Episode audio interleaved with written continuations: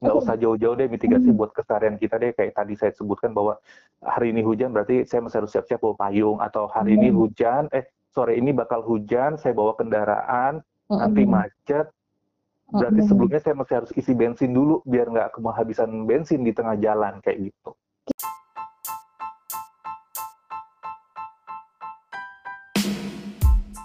Selamat datang di BBC Bincang-Bincang tentang Broadcasting dan Komunikasi. Saya Hilda Rahmawati.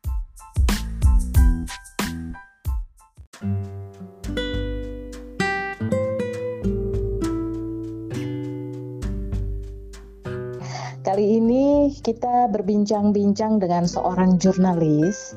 Ya, saya punya teman seorang jurnalis yang sudah cukup lama uh, bergelut di bidang ya jurnalistik tapi yang menariknya teman saya ini uh, punya podcast yang khusus mem membahas, memperbincangkan seputar kebencanaan. Nama podcastnya adalah Talk Disaster.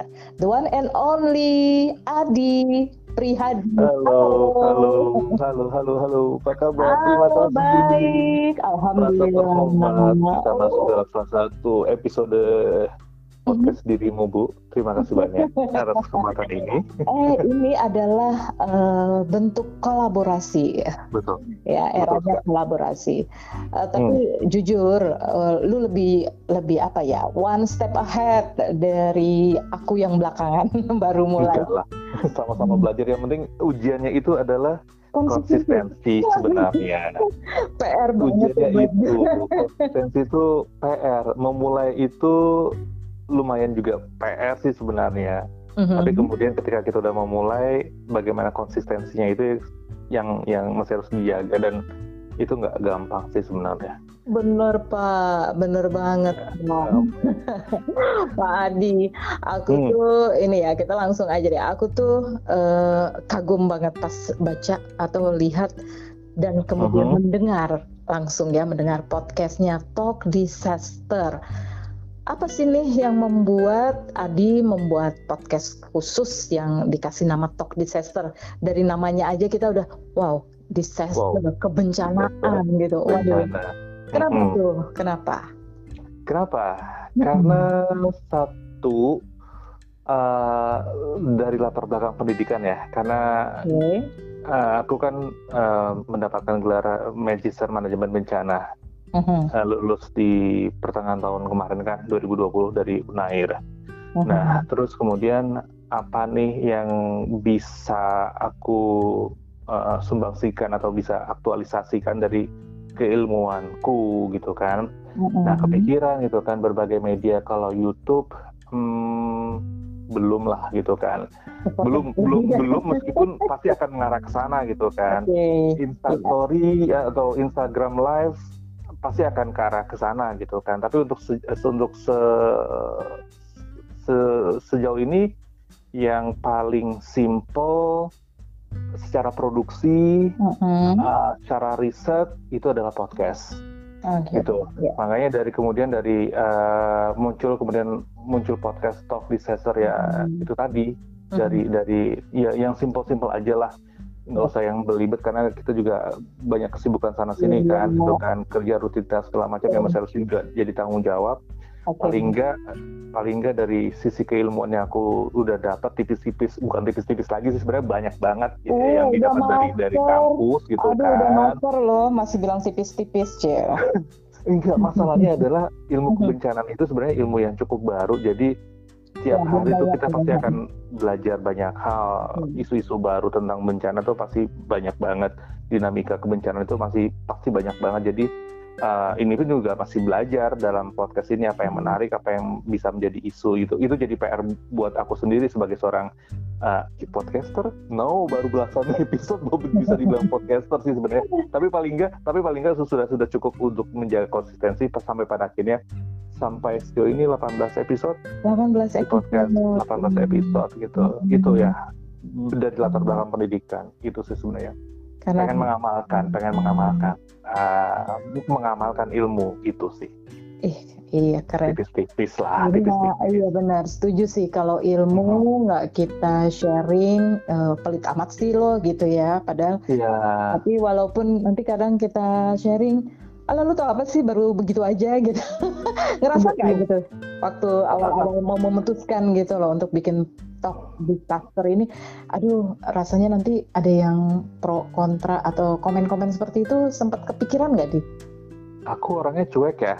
Yang penting ya, gini sih. aja gitu ya. Yang penting konsistensi sih. Kalau kita udah memegang konsisten konsistensi insya Allah orang-orang mungkin akan melihat gitu kan. Oh ternyata uh, kita serius nih uh, ngomongin masalah ini gitu kan Walaupun dan lagi pula kan dalam beberapa ya, ya hmm. meskipun dalam beberapa episode kan aku juga nggak nggak nggak melulu monolog uh-huh. menyampaikan ide, pikiran, opini uh-huh. segala macam terkait dengan kebencanaan. Tapi kalau misalkan dari segi keilmuan aku masih merasa kurang dan perlu harus ada uh, penambahan elaborasi uh, konten, aku pasti uh-huh. akan wawancara uh, orang-orang yang uh, pakar di bidangnya gitu kan. Uh-huh. Kalau soal misalkan aku sempat uh, nelfon atau ngobrol dengan Mbah uh, Mbah Rono, kemudian juga Pak Daryono, kemudian hmm. juga dari Pak Hendra dari uh, eh, PVMBG itu aku bagian dari belajar lagi sih sebenarnya dari mereka gitu kan hmm. ketika nggak cukup dari kampus meskipun kampus sudah memenuhi uh, keilmuan yang uh, mereka berikan kepada mahasiswanya tapi kan tadi aku bilang lagi kan Mm-hmm. Uh, isu bencana itu terus berkembang dan dinamis. Jadi masih harus terus belajar, masih harus terus belajar. Webinar-webinar pun juga aku ikutin. Jadi itu nambah untuk bisa ilmu. nambah ilmu untuk kemudian bisa aku sampaikan kembali ke di dalam podcast. Wih, keren banget nih, keren-keren. Menginspirasi orang uh, setua gue yang juga masih pengen belajar. Benar, nggak ada habisnya ya. Nggak ada habisnya, menarik hmm, banget kayak kayak, kayak gini deh. Ya, uh, semakin nambah. Kayak betul, kayak uh, kondisi bencana di NTT gitu kan. Uh -huh. Aku tuh nggak ngerti yang namanya debris uh, debris uh, flow gitu kan mm-hmm. uh, terkait dengan runtuhan bebatuan mm-hmm. yang terjadi di NTT menyebabkan begitu banyak batu berserakan pasca mm-hmm. banjir bandang.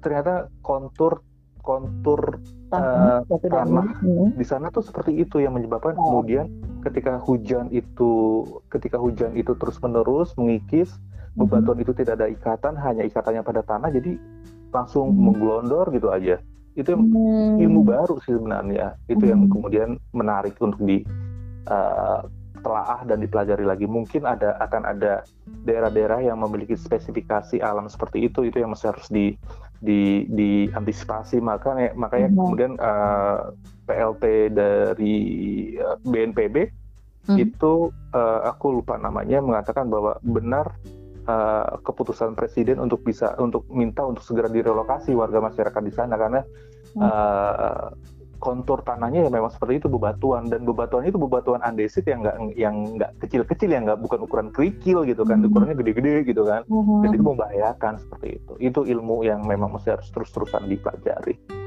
eh, gitu.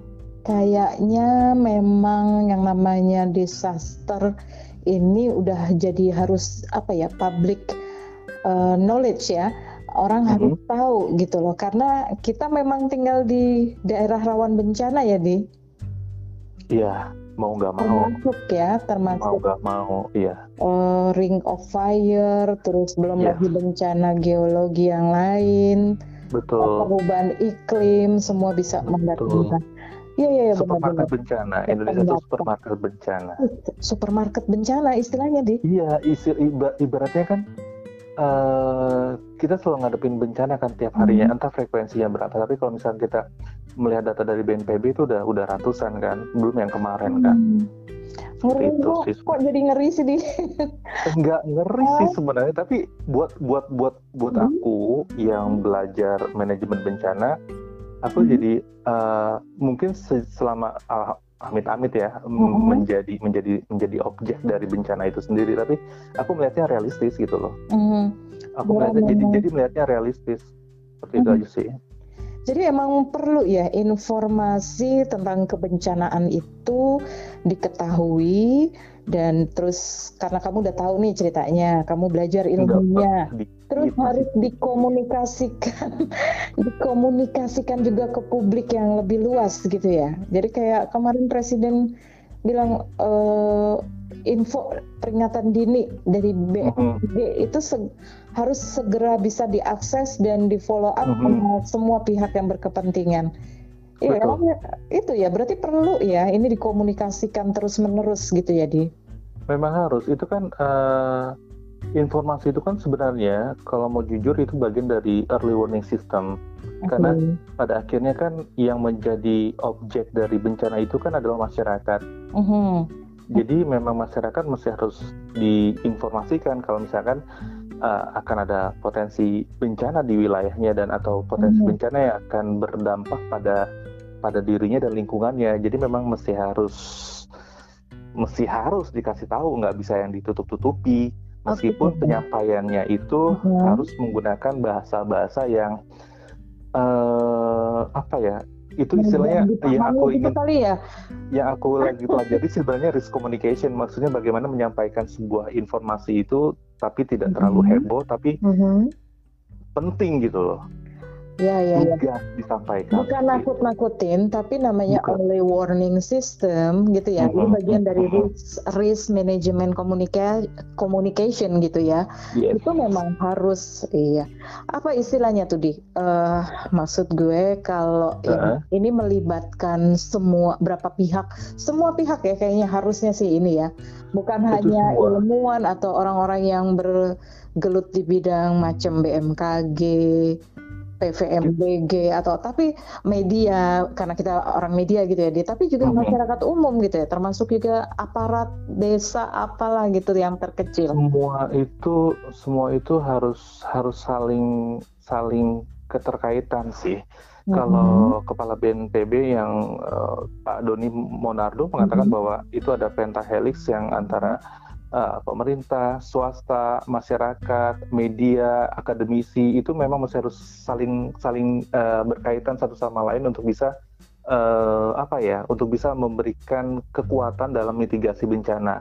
Pentahelix okay. itu sebenarnya kayak gitu. Jadi enggak yang kemudian akademisi uh, berjalan sendiri, masyarakat berjalan sendiri, pemerintah berjalan sendiri nggak bisa kayak gitu gitu. Apalagi swasta berjalan sendiri nggak bisa kayak gitu gitu. Karena informasi yang disampaikan oleh pemerintah sekalipun pasti harus ada dukungan uh, keilmuan dari uh, hmm. akademisi. Terus dukungan dari swasta hmm. pun juga mesti harus di, di, diberikan gitu kan.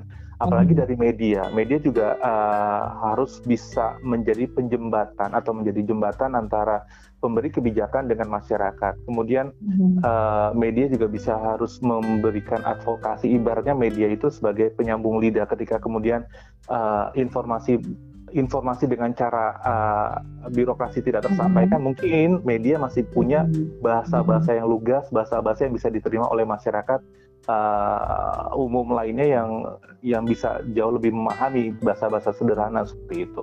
Oh, jadi itu. itu itu ya bagaimana bentuk komunikasinya itu bisa nyampe atau dipahami dengan gamblang tanpa mikir berkerut atau orang bisa langsung paham gitu itu tantangannya yes. itu kali ya dia yes itu yang yang hmm. yang sekarang mungkin aku pelajari yang pengen aku hmm. pelajari sebenarnya adalah risk communicationnya hmm. itu sih sebenarnya hmm. karena ada uh, kita selalu uh, kita selalu berdebat antara potensi dengan prediksi okay. itu yang sampai itu ibarat ibaratnya ini sekarang gini Maksud uh, hmm sering ini yang selalu ramai adalah di wilayah uh, selatan Pulau Jawa di samudra uh, ya di selatan Pulau Jawa itu ada potensi gempa uh, megatrust di atas 8. Potensi hmm. pasti akan ada potensi gitu karena memang wilayahnya seperti itu. Tapi jangan kemudian itu diartikan sebagai prediksi. Hmm. Uh, karena kalau potensi itu kita nggak tahu terjadinya kapan. Kalau prediksi itu terjadinya pasti nggak nggak terlalu jauh sih sebenarnya gitu kan. Tapi kalau uh, uh, bisa diperkirakan, meskipun sebenarnya nggak uh, ada teknologi yang bisa me memperkirakan gempa itu terjadi, tapi bahasanya yang digunakan adalah potensi. Terus hmm. kemudian yang aku pelajari pada saat pernah berdialog nih, aku kalau udah dialog dengan salah satu pakar pasti aku akan langsung uh, nambah ilmu lagi gitu kan. Uh, biasanya tuh kita selalu menggunakan uh, banjir disebabkan uh, banjir bandang disebabkan oleh hujan, longsor disebabkan oleh hujan.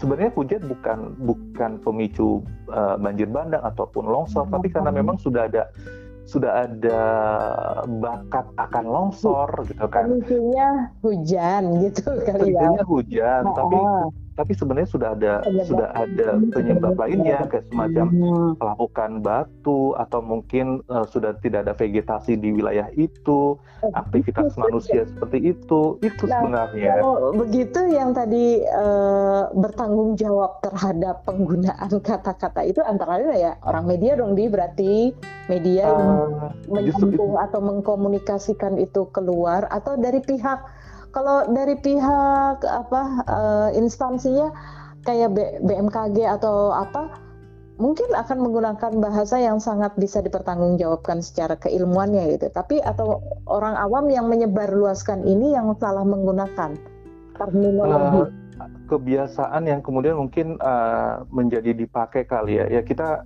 uh, pemahaman terlanjur ya, gitu ya. Iya, kita perlahan-lahan hmm. saja sih sebenarnya mempelajarinya gitu kan. Oh. Uh, enggak yang kemudian saling lu sih uh, menggunakan istilah ini.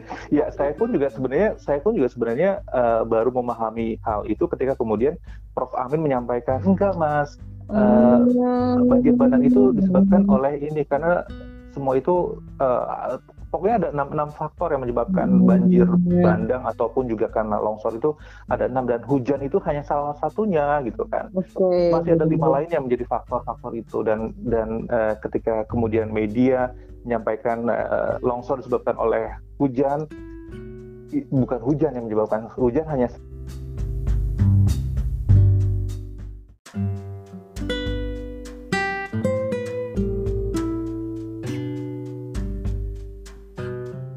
Oke di, jadi gitu. uh, begitu ya istilah hmm. itu memang kita baru tahu setelah kita ngobrol atau kita mendapatkan ilmunya bahwa ya. kesalahan atau kurang tepat gitu sehingga perlu hmm.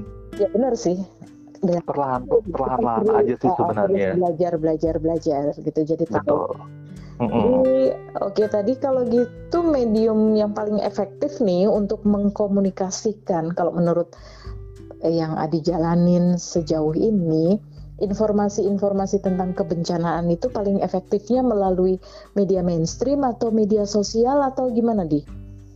Uh, kalau dalam urusan bencana semua orang berhak untuk berjuang dengan caranya masing-masing sih ya. Menurut buat aku, uh -uh. buat aku gitu kan. Yeah. Ketika aku berjuang mungkin di media media yang aku punya podcast. Mm -hmm. Terus kemudian ada komunitas lain yang berjuang melalui uh, Instagram Live. Um. Ada ada para ahli yang uh, memiliki keterikatan atau ke, ke kesamaan visi membuat webinar. Oke. Okay. Nah, jadi masing-masing itu ya kita saling saling mengisi aja sih sama lain saling mengisi segmentasi yang mungkin hmm. menurut menurutku segmentasi yang kosong di podcast ya udah aku isi podcast hmm. mungkin segmentasi yang kosong di webinar yang halayaknya cukup ramai yang bisa menyimak secara langsung dengan dengan pemaparan uh, PowerPoint yang detail dengan narasumber yang kompeten hmm. itu bisa jalan seperti itu uh, hmm masing-masing berjuang dengan cara sendiri-sendiri tapi yang penting adalah tujuannya adalah uh, memberikan pemahaman uh, advokasi ke masyarakat terkait dengan kebencanaan. Seperti itu. Nggak sekedar informasi lah ya dari dari ya. aku nangkep ya dibilang uh, advokasi ya kan ya, orang dipengaruhi uh, untuk tahu terus me, apa sampai bisa me, merubah atau menjadi gaya hidup atau perilaku lah gitu ya behavior sehari-hari terhadap jadi merasa jadi ya jadi merasa info kebencanaan itu uh, menjadi asupan keseharian. Sebenarnya kalau keasupan keseharian itu bisa dimulai ketika musim hujan ya. Uh-huh. musim hujan uh, simpelnya gini hari ini tuh kita baru keluar rumah deh gitu kan uh-huh. lihat perkiraan cuaca gitu kan hari uh-huh. ini Jakarta gimana ya ah hujan ternyata waduh gue masih harus siapin ini nih payung hmm. atau jas hujan atau gimana itu bagian dari mitigasi sendiri. Oh oke okay. itu hal paling ya, simpel lah yang bisa itu dilakukan paling simpel ya? banget okay. paling simpel banget sih sebenarnya Me menyiapkan payung saat keluar hmm. rumah pada saat tahu kalau hari itu hujan itu adalah bagian dari penyiapan uh, diri sendiri gitu loh. Baru setelah itu uh, lebih dalam lagi. Kita lebih dalam lagi. ke mana yang ada itunya ya istilahnya potensi. Oh aku mau pergi ke Bogor misalnya. Di sana hmm. potensi hujannya seperti apa? Daerah yang bakal rawan longsor mana? Sehingga gue akan hindari yes. gitu ya dia. Hmm. karena karena perakiran teknologi perakiran cuaca itu nggak murah Oh, mahal ya? Nggak, nggak murah mahal. Murah, Jadi mahal. apa pun informasi uh-huh. dari instansi maupun itu dari BMKG uh-huh. ataupun dari PVMBG itu perhatikan banget karena mahal. Itu beneran gitu ya untuk bisa keluar gitu, uh, kan. apa prediksi uh, cuaca, perakiraan cuaca itu bukan cuman di awal apa uh, terawangan gitu ya. Iya, bukan cuma bukan gitu ya. bukan cuma sekedar oh, formalitas uh, rutinitas dari BMKG memberikan rilis kepada masyarakat oh, tiap harinya gitu, tapi okay. di situ uh, rilis BMKG itu bagian dari early warning system yang mesti harus disikapi sebagai bagian dari mitigasi. Nggak usah jauh-jauh deh mitigasi buat keseharian kita deh. Kayak tadi saya sebutkan bahwa hari ini hujan berarti saya masih harus siap-siap bawa payung. Atau hari ini hujan eh sore ini bakal hujan saya bawa kendaraan nanti macet. Berarti sebelumnya saya masih harus isi bensin dulu biar nggak kehabisan bensin di tengah jalan kayak gitu. Gila ya. Damp anu apa dam, uh, ikutan ya? Itu luas ternyata ah, ya bukan sekedar cuma hari ini hujan lokal hari ini hujan apa. Jadi sekedar ya. basa-basi kalaupun tampil di layar TV misalnya atau dibaca hmm. oleh penyiar radio gitu. Hmm itu mm -hmm. aja eh it's common itu penting didengar dan di karena berdampak ya dia panjang banget, banget panjang banget ibaratnya mm -hmm. ya itu tadi deh simpelnya kalau misalnya kalian punya kendaraan gitu kan ah hari ini ternyata ah, hujan bakal berpotensi hujan deras terus pulang yeah. takut macet uh, jalanan yang dilintasi banjir takut banjir terus macet hmm. tapi bensin gue tinggal satu titik. Nggak cukup nih gue masih harus beli bensin dulu atau beli, beli premi hmm. bahan bakar bahan bakar dulu gitu biar jangan sampai kemudian uh, kena kejebak macet nggak bisa ke mana-mana bahan bakar habis. Uh, salah lu sendiri gitu ya. Iya, sebenarnya udah padahal udah iya padahal sudah diperingati. uh, Nah, tapi kenapa ya di uh, peringatan-peringatan dari BMKG seperti itu ya sebenarnya kan rutin aku juga kadang ngelihat mereka di Twitternya rutin loh gitu kan info rutin. BMKG kalau kita follow rutin. gitu ya. Tapi kenapa ya kadang-kadang kok itu just lewat gitu aja uh, yang kita lihat lewat mata ya lah udah dibaca udah gitu. Tapi nggak masuk langsung ke, ke ke otak kita dan merubah perilaku kita merespon info-info itu. Apa apa ada yang salah nih di kali ya? Atau lu menurut lu sebenarnya bentuk komunikasinya kurang efektif atau gimana gitu? Atau atau figur butuh figur-figur yang bisa menyampaikan ini menjadi lebih membumi dan lebih bisa kena gitu ke banyak orang kalau uh, correct me if I'm wrong, aku sih merasa kalau ini belum jadi tren aja sih ya. Hmm, oh beda sama di luar negeri ya. iya. Correct me ya. Aku aku aku hanya mau aku hanya sekilas uh, pemikiranku kalau ini belum belum jadi tren aja buat keseharian kita mm-hmm. seperti itu. Mm, itu sih sebenarnya. Perbedaan terhadap in, apa benc- potensi terjadi bencana, mm-hmm. mitigasi mm-hmm. bencana itu belum jadi gaya hidup atau ya, gitu ya mungkin masih jadi PR buat kita untuk uh, it, uh, perakiran cuaca atau membaca perakiran cuaca itu sebagai bagian dari gaya hidup mungkin belum atau mungkin sedang dalam tahap menjadi gaya hidup mudah-mudahan sih mudah-mudahan uh -huh. uh, bisa ya kayak orang-orang di negara-negara lain gitu uh -huh. Uh -huh. Uh, kalau gue gue jujur gue kalau nonton uh, TV siaran TV luar gitu atau di mana kayaknya mereka kan serius banget loh ngegarap segmen apa tuh info cuaca, info weather itu ya. Uh-huh. Karena kadang-kadang kita cuman ya kalau di sini belum terlalu karena nganggepnya ah Indonesia kan cuma musim panas, uh, musim kemarau dan musim hujan udah ketahuan gitu. Kalau kemarau yeah, musim yeah. payung atau jas hujan, kalau musim kemarau simpen aja cadangan air yang banyak kan ibaratnya kan yeah. kayak menggampangkan mungkin ya. Tapi jangan salah, tapi jangan hmm. salah ketika kemudian uh, siklon Seroja yang uh, kemarin ini April di, kemarin ya, itu itu uh, mestinya sudah menjadi pertanda tanda bahwa masyarakat mestinya sudah menyadari bahwa musim hujan di Indonesia itu hujan itu tidak hanya terjadi pada saat musim hujan, tapi okay. bisa saja itu terjadi pada saat siklon berlangsung di Indonesia. Mm-hmm. Jadi memang mesti harus Iya ada di tahun 2017 itu kan ada dua kali siklon, 2018 ada dua kali siklon, baru di tahun 2021 ini di April baru baru ada satu siklon kita nggak tahu tapi kan mm-hmm. kalau Bu Dwi Korita mengatakan bahwa ke, ya trennya makin ke sini mm-hmm. Uh, makin sering terjadinya siklon jadi mestinya harus bisa diantisipasi juga gitu mm-hmm. uh, menyadar, menyadarkan masyarakat bahwa uh, hujan ini nggak cuma terjadi pada saat musim hujan, tapi bisa terjadi pada saat uh, uh, siklon, hurricane season gitu. Ibaratnya musim uh, siklon. Ya mudah-mudahan sih nggak terjadi di Indonesia gitu, tapi antisipasi aja istilahnya jadi ya emang menakutkan lah ribet pula ya. Buat orang awam mungkin ah udahlah gitu. Ribet banget. Uh -huh. tapi tapi benar ya di berarti kita memang harus ya, mulai mulai apa mulailah aware gitu mulailah peduli gitu. Dan yeah. di tapi jujur di gue tuh ya sekarang uh, Ibu Dwi Korita kita sering lihat beliau ada di TV ada di mana di media saat bencana itu terjadi, beliau hmm. menyampaikan mm-hmm. uh, penjelasannya gamblang, bisa dimengerti. Mm-hmm. Tapi uh, like enggak sih gitu maksudku kalau setelah itu terjadi baru pada muncul gitu. Kita butuh deh kayaknya orang yang konsisten terus menerus menginfokan me, mengapa gitu. Kalau Adi sendiri punya ini nggak role atau bukan role model ya apa ya istilahnya hmm. tokoh yang yang sel selama ini di dunia kebencanaan mm-hmm. menjadi contoh yang kita rindukan. Kalau gue sih ada loh. Kalau sama nggak ya mas sama dirimu? ada kita punya tokoh. Kalau menurut Adi gimana? Ada nggak contoh uh, yang bisa mengkomunikasinya tuh enak banget gitu loh? Uh, siapa pun uh, yang menyampaikan kayak uh, Bu Dwi Korita, Pak Guswanto, hmm. uh, Mbak Surono, Ayah Mbak Rono, uh, Mbak Rono, dengan suaranya, stylenya, Pak Hendra okay. dari PPMBG, uh-huh. mereka mereka memiliki kompetensi yang uh, saya bukannya bukannya mau menilai menilai mereka mereka bagus-bagus semua gitu kan bagus-bagus semua penyampaiannya nggak ada pokoknya nggak ada tandingannya karena mereka pakar di bidangnya. Iya. itu itu sudah sudah cukup sih sebenarnya sudah cukup sebanyak. Kalau aku role modelku uh, role model. Uh, idola.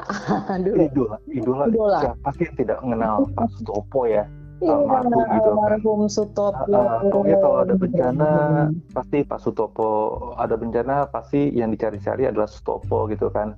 Hmm. Nah uh, sejak Pak Sutopo uh, nggak tidak tidak lagi uh, bisa tidak. memberikan informasi. Karena sakit ya waktu itu ya. Hmm. Sakit. Pak Sutopo itu terus terang saat yang yang salah satu calon narsum dalam pembahasan tesisku itu Pak Sutopo. Oh, cuma ya uh, uh, gitu kan. Cuma uh-huh. ya karena beliau juga harus berjuang dengan dengan kondisinya, jadi ya uh-huh. sudah memaklumi aja aku yang nggak terlalu yang terobsesi untuk melakukan wawancara dengan Pak Sutopo. Uh, uh-huh. Selain Pak Sutopo, Mbak Rono, Mbak Rono. Uh-uh. Karena uh-uh. ini ya apa ya kedekatan. Uh, walaupun kita biasanya kalau kita menghubungi beliau-beliau ini sebagai narasumber gitu kan uh, langsung beliau berbagi ini. Tapi setelah kita nggak nyari juga sering continue kirim berita eh, eh informasi maksudku mm-hmm. gitu kayak mm-hmm. Mbak Rono ya. Walaupun melatihnya ya iya. ini tapi sering aja share info. Iya. Uh, sebenarnya Indonesia tuh tidak tidak tidak kurang kurang pakar sih sebenarnya. Apalagi banyak, ya, banyak oh, banget banyak banget Burang Kuti juga hmm. itu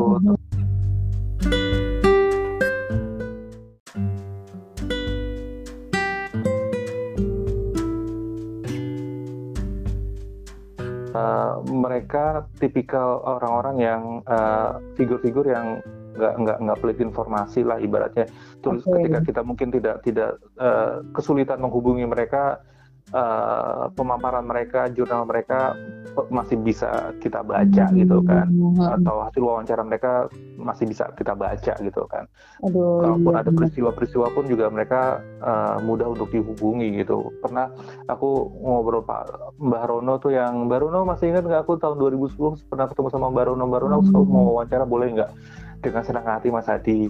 Mm-hmm. Aku ngobrolin banyak hal tentang uh, side story dari masyarakat Merapi. Kenapa hmm. uh, masyarakat Merapi begitu dekat dengan uh, Merapinya itu sendiri seperti hmm. itu. Oke. Okay. Menyenangkan. Iya.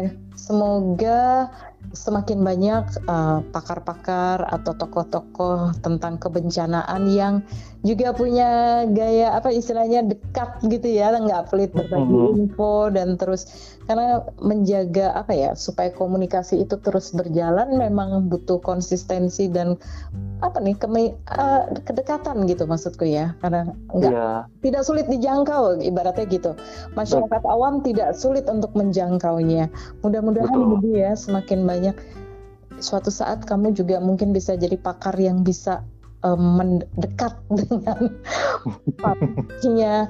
Eh bener loh di siapa tahu ini doa doa ya, gue dulu. Gitu. Amin. Meskipun hmm. masih harus terus belajar, masih harus terus ya, belajar banyak hal. Gitu ya, jangan ya, gitu kalau ditanya. Mm -hmm. Oke, Dedi, terima kasih banyak. Ya insight-nya, mm-hmm. ceritanya, uh, ilmu-ilmu tambahan ini buat kita semua, buat gue juga. Sama-sama, sama-sama okay. juga. Dengan podcast yes. kamu Talk Disaster, uh, kita cukupkan dulu obrolan okay. kita kali ini. okay. Mm -hmm. untuk pendengar BBC, saya akan hadirkan kembali perbincangan ataupun informasi-informasi menarik lain seputar broadcasting dan komunikasi. Saya Hilda.